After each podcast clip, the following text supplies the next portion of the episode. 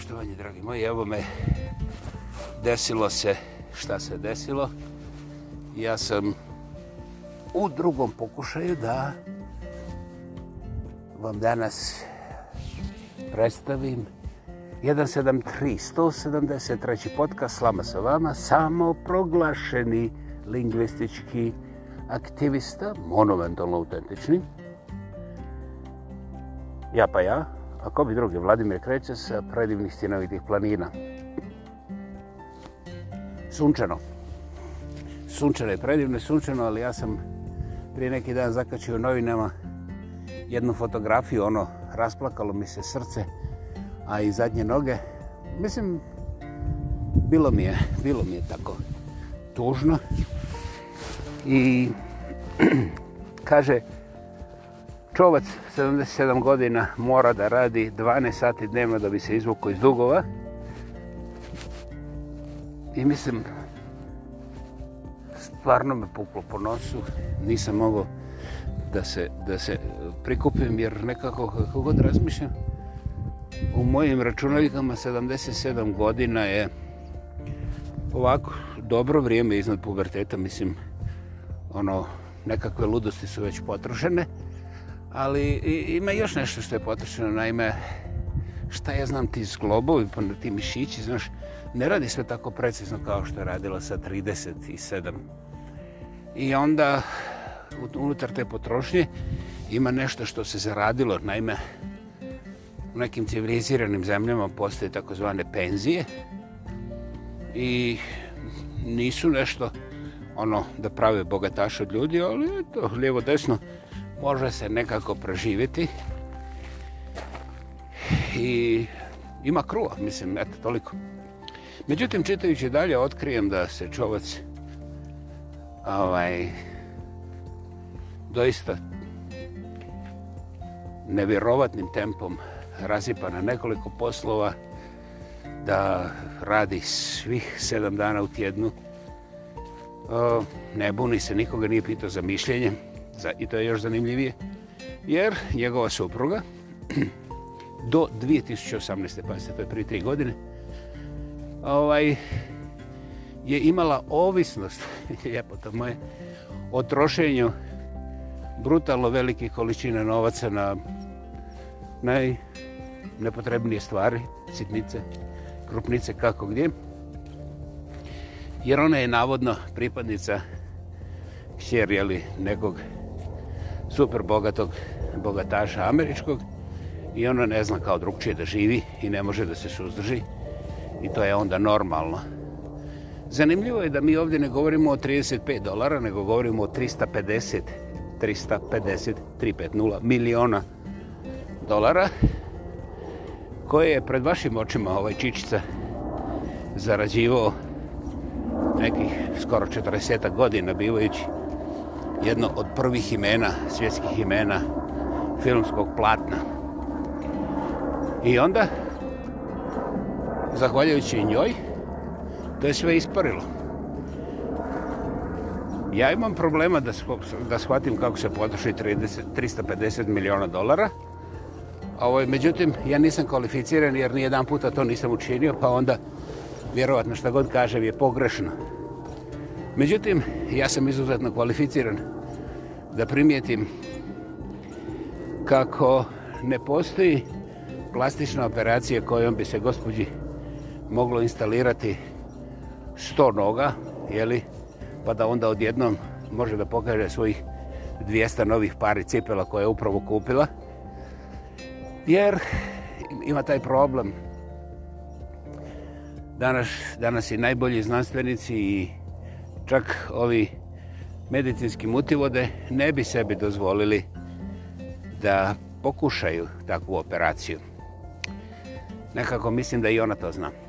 Onda, recimo, meni padne na pamet, zašto njoj nikad nije palo na pamet da ode na ručak sa svojim darlingom, ono da budu zajedno 26 do 28 minuta, jer ne znam, nijedan restoran restoran gdje je ručak za dvoje 50.000 dolara. Ne mislim na one posebno ekskluzivne koji su kreirani za jedan dan ili za dvije budale.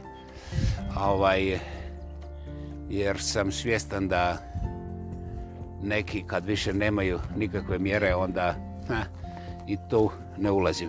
Moja poanta je ovdje bila da nekako brak nije bankovna transakcija koliko god to u praksi je ipak bivalo drugačije, ali ja sam onaj naivni provincijalac koji vjeruje da se u brak ulazi zbog nekakvog oblika zajedništva. Nisam odmah zalijepio se ljigavo za ljubav, još manje za seks, nego zajedništvo čovjek je, ono, znate, nije vuk samotnjak, kako narod kaže, nego voli imati to nekako društvo sa sobom. I onda, ako nije muški koji voli muške, onda on trči da nađe nekog ženskog. I to je otprilike formula koju ne treba objašnjavati nikome. Dakle, to je ono što se zajedno biva. Dakle, ja i ti, pa šta je znam, nekad je popodne, nekad je ujutru, nekad ne stignemo nikako, ali onda nekad se desi cijeli dan da smo zajedno. Da.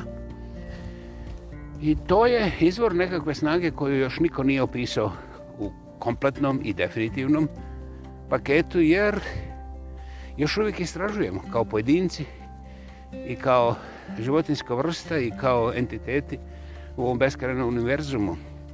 Međutim, toj gospođi od cijelog tog braka je postojala samo jedna ta nekakva činjenica, jedna stvarnost, a to je čim se probudi, potroši i potroši sve više.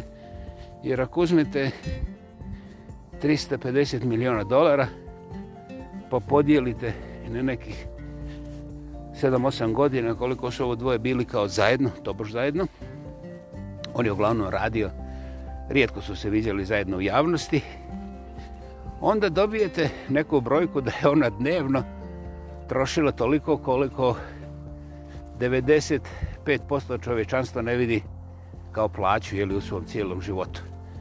I ono mrtvo hladno izađe van i objasni sve moralne elemente te naravno etičke priče. Ovaj, naravno da ona ništa nije objašnjavala, ona se povuče, šuti i ide i troši još. Zašto? Izgleda da postoji jedna tajna koja se zove može. Ona može i ona će nastaviti tako umeđu vremenu.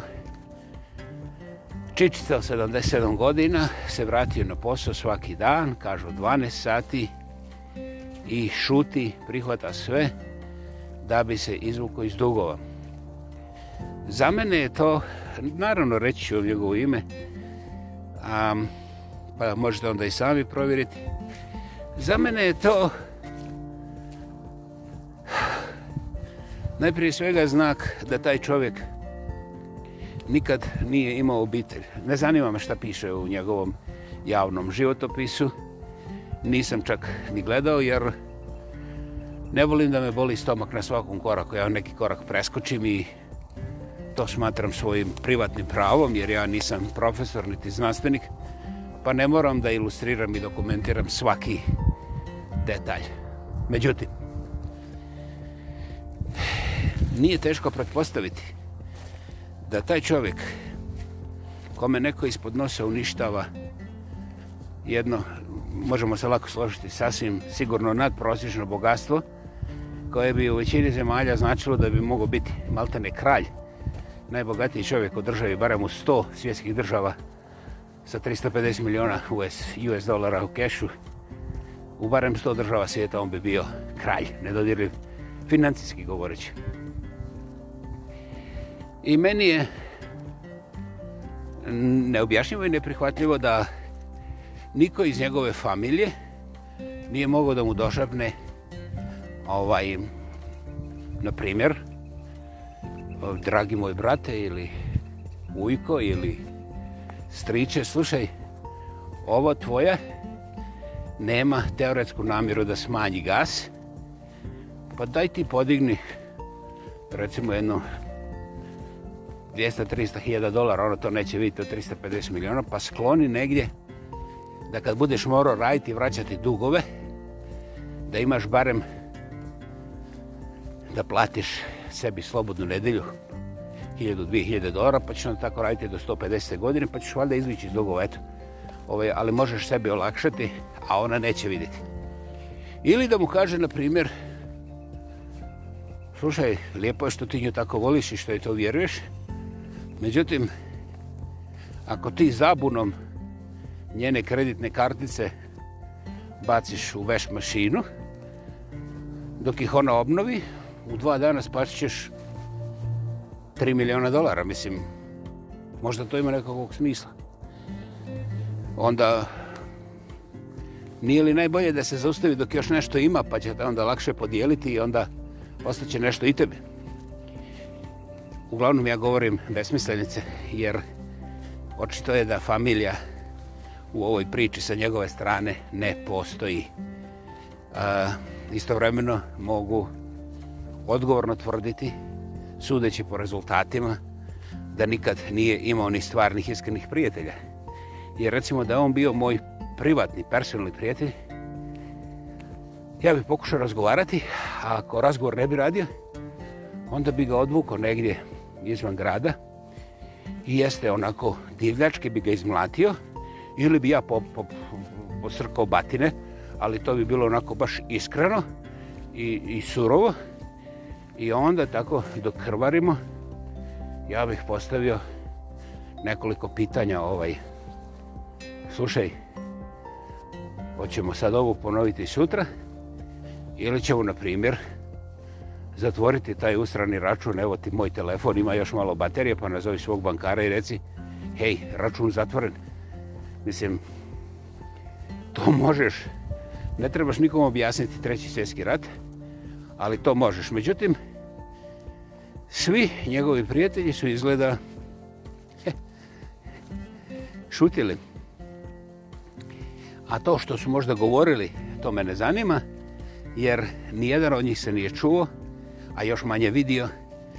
Dakle, nula utjeca je na njegovo surovo propadanje u totalnom smislu. Ja neću da govorim šta, šta zdravstveno znači kada čovjek u 77. godini mora da bude aktivan, radno, profesionalno i do 12 sati dnevno svaki dan u tjednu. To me ne zanima jer ta priča je nešto što se na bilo koji duži period, a duži period je mjesec dana. Čim završiš mjesec dana, ako ne odeš na barem pola mjeseca odmora takvim tempom, trećeg mjeseca se već bolesnik. Dakle, ja ne pitam što to zdravstveno znači za čovjeka od 77 godina, jer ne želim znati odgovor koji sam po sebi ne može signalizirati početak mladosti i regeneracije svih organa i organizama. Neće ići. A, znamo gdje vodi sljedeći kalendar, uglavnom, a da li će biti baš definitivno, ja mislim da i oni najbezosjećajniji, najbešćutniji među nama ne žele definitiv, definitivan odgovor na to pitanje. Dakle, do čega smo došli? Jeste, ta drugarica dušmanski troši i neće nikad razgovarati o svojim navikama recimo, jer to je za nju životni stil i ona je tu fiksirana i ovaj to su ljepote visokog društva i svaki put kada vidim da u džepu nemam ni 3,5 miliona dolara ja se sjetim takvih drugarica i iskreno sam im zahvalan jer bilo bi me sramota da sebi kupim čarape za sportske cipele i da to platim niti 100.000 dolara. Mislim, bilo bi me sramota. Bilo bi me sramota jer jer eh, jedan dolar, jedan jedini dolar kupuje hoćeš hranu, hoćeš lijek za milione ljudi koji su negdje tamo u onim dijelovima svijeta gdje ne možeš imati naviku od par stotina hiljada dolara dnevno. A posebna je priča, sad neću o ekonomsko-političkoj fenomenologiji, odnosno prostituciji modernog svijeta koji je kao tobož demokratski, da upravo ti ljudi koji žive na dolar dnevno ili manje, da su sa njihovih, da je sa njihove kože, sa njihovih leđa skinuto ovih zilion ziliona koji onda proizvode ove gospođe koje eto, svaki dan moraju da potrše po dvije nacionalne banke Uruguaja da bi se osjećale dobro. Istovremeno tu vrišti jedna obična ljudska sitnica, navodno, koja kazuje da ta gospođa nikad ne može naći partnera s kojim će biti osoba. Ona nikad ne može da ispuni svoje ljudske kapacitete, jer ona je fiksirana i fokusirana samo na jednu stvar. Što više novca i onda u iskolačene oči ovih trgovaca kada ona mrtvo hladno saspe 70.000 za čarape u nekom usputnom dućanu na Beverly Hillsu.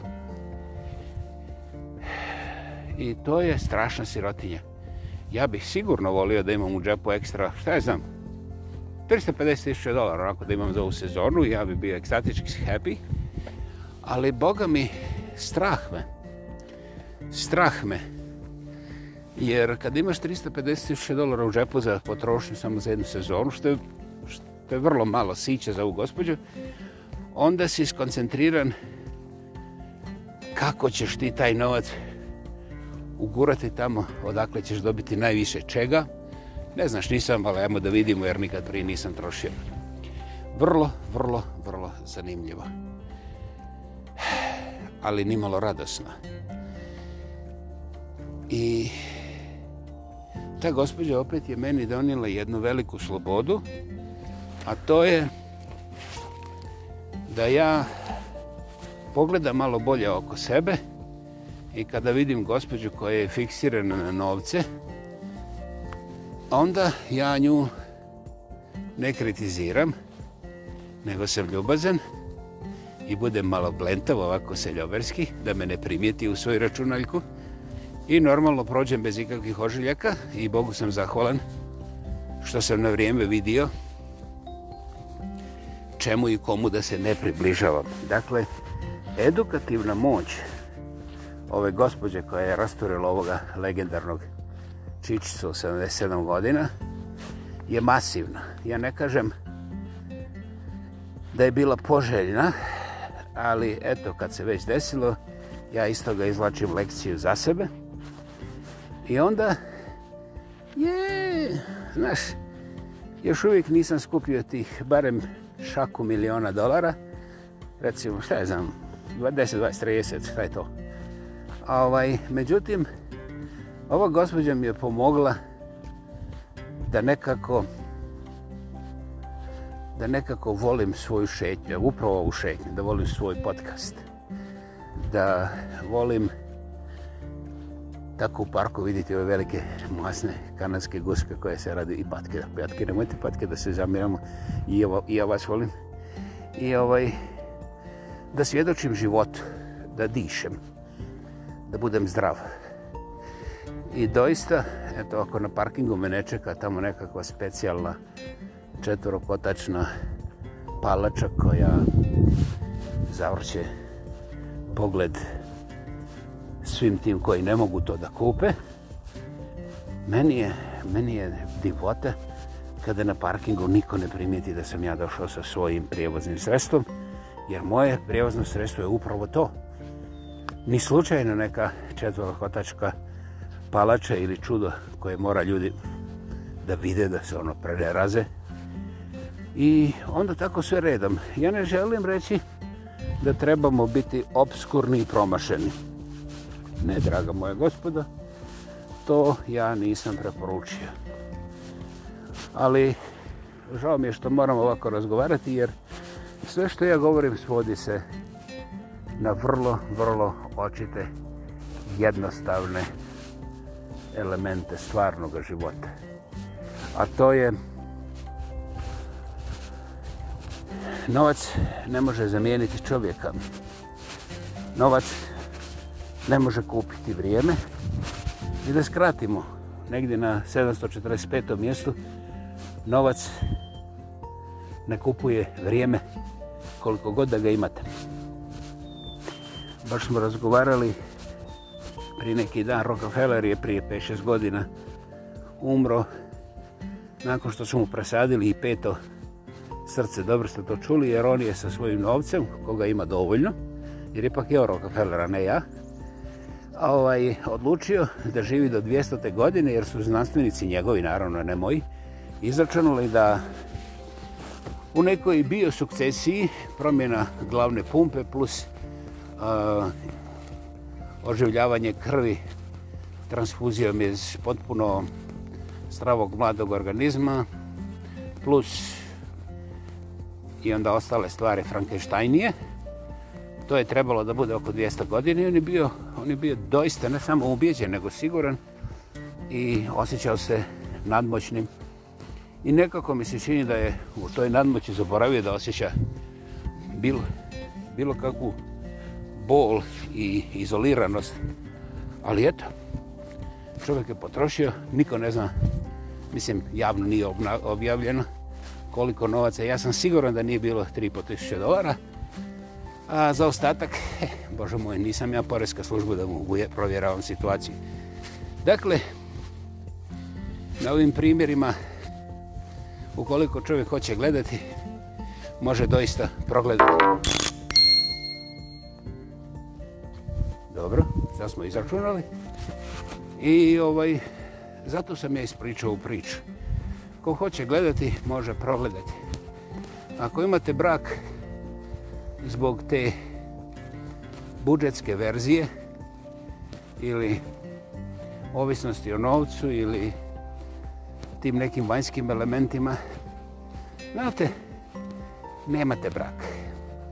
Nemate brak, to nije pitanje muško-ženskog odnosa, To je jednostavno pitanje, znate, pohlepe i materializma. I da budemo načito, ja ću sasvim materijalno da usrćim svoj stomak danas za ručak, tako da ja nisam protiv materializma.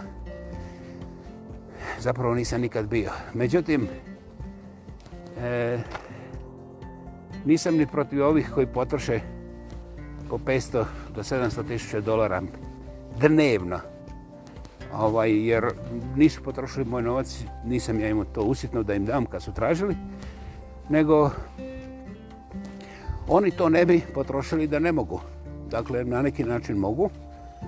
Policija kaže da je u redu i stvari idu dalje. Dakle, ja mogu da im zavidim, ali mogu i da progledam pa da kažem, pazi ovo, Čovječe, da bi potrošio toliko novaca danas u bilo kojem gradu na svijetu, to je vjerovatno desetak onih nekakvih raznoraznih cekera i gluposti nošenja okolo, koje ja ne želim da nosim jer imam pare. Znači, treba mi barem petorice nekih majmuna kojima ću ja morati naređivati kako to da nose, da mi ne razbiju, da ne ogrebu. Da... Znači, ja svaki dan imam armiju nekakvih oko mene koje moram plaćati dodatno još, i koji moraju da se oduševljavaju i da slušaju bespogovorno i da sve to nosim. I znaš, kad malo bolje pogledam, novac je ono, znaš, samo potpišeš brojku i nema problema ili pokažeš karticu, platina su dijamantsku koju već. Ali, to čoveče ne možeš da obaviš u dva minuta. Moraš cijeli dan da potrešiš s jedne adrese na drugu, pa onda ovom, pa onda da ugovaraš ko će ti deliver raditi, pa ko će... Mislim, to je jedno mučenje. Dakle, ti ljudi koji imaju toliko para, znaš, ponekad poželim jedan dan da imam ja pa da odem malo da razbacujem i da poslije toga mene boli glava. Međutim, Bogu hvala što mene boli glava i ovaj, Bogu hvala što ja ne idem okolo i ovaj ne jedem 12 porcija bureka za doručak. Hvala jer je to sramota, ohladi se onaj 12. ako mu ikad i priđem, a oko mene prolazi i gladni ljudi, znaš. Ja nisam zadužen da nahranim gladne, ali Boga mi jesam pred sobom zadužen da im se ne sprdam i da im ne ukidam šansu, naravno u mojem domeni, u mojoj moći. I tako ću nastaviti bez obzira koja država se ovdje proglasi, koja politička partija je na vlasti i koja religija dominantno može da nas zajebava. Dakle, gospodo moje, primijetite šta je ova gospođa uradila i učinite ovoga nešto za sebe. Progledajte. To je nevjerovatna moć. Novac je nešto što bih ja volio imati viška, ali najizbiljnije vam govorim ne patim i proživjeću ako čak toga viška i ne bude. Međutim, neću preživjeti ako ne uspijem učiniti koristiti svoje vlastite oči, da svoj vlastiti dan zagrlim i volim i da se sretnem sa ljudima koji nisu računaljka i nisu pozicija i nisu ime, nego su prije svega ljudi.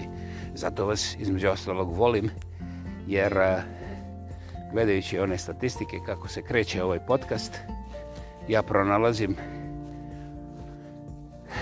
recimo kada vidim da se neko doslovci iz Albanije imam, imam neka dva čovca ja kažem čovce mogu biti srednjoškolke, nisam siguran jer to se ne vidi na statističkim mašinama ovaj kada se oni svakog petka i subote vrate da poslušaju šta je tada na jelovniku kod mene na ovome blogu i ja nikad te ljude nisam sreo ali toliko toplote, dobrote i ljepote Uh, ne znam kad sam zadnji put osjetio. Dakle, ako me slušate i ovaj put, moj naklon do poda i beskrajno hvala. Eto, tako ja živim i nikakvi milioni mi to ne mogu zamijeniti. A sada, na samom kraju, čičica o kome sam ja govorio se zove Robert, Robert De Niro i ovaj... On je, gospodo moja, vrlo, vrlo opterećen ovih zadnjih mjeseci i izgled njegovog lica ovih dana sa te fotografije me je rasturio, ali onda sam ja malo pročito stvari. Otvori oči i kažem, hej, čoveče, ti si mogao ženiti barem 10 miliona žena sa bilo kojeg kraja ove planete koje bi doista bile partneri, drugovi, žene i koje bi učestvovali u tom braku. A ti si joj ženio dolarzilu, žensku koja je od prvog momenta što ti je bilo jasno imala samo jednu stvar u očima, u srcu, na jeziku, u duši, u rukama i to je bio dolar puta 350 miliona pa onda još koliko se iza toga može. Dakle, ja ne mogu uživati. Šta ti se desilo, dragi moji Deniro, ali ja ću ti zahvaliti što si mi ti dao lekciju do čega može doći čovjek ako nema svoj stav jasno dogovoren sam sa sobom. Ako nema svoju familiju koja jasno i glasno može da dođe i kaže šta misle. Ja ne očekujem da ti familija zabrani, da te znaš, ziba jer si ipak odrastao čovjek. Ali tu tvoju dolarzilu nije bilo teško uočiti čak ni sa ovih okolnih planeta. I tvoje familije i tvoji prijatelji su šutjeli. Ja ne kažem da neko od njih nije rekao riješ dvije, ali ili si ih ti zaustavio ili ih jednostavno nisi ti očuti zbog toga što je tvoja gospođa bila važnija od svega. Dakle, ne mogu te žaliti. Iz dva ziliona razloga i ti si to platio za 350 miliona dolara i ne znam koliko još tih dugova, to je već nije napisano. I ovaj, onda je to račun. Onda je to račun i taj račun je 100% tvoj. Da, djedica 77 godina koji radi 12 sati, dnevno, sve dane u tjednu. Čovjek koji je gotovo pola stoljeća bio, a i danas je mnogima koji ne znaju, idol i ideal nekog uspješnog muškarca. Bože moj, čekaj da pogledam. ja jesam muškarac, ali još uvijek nisam tako uspješan i vjerujem da me Bog neće dovesti u situaciju da moram ovo demantirati.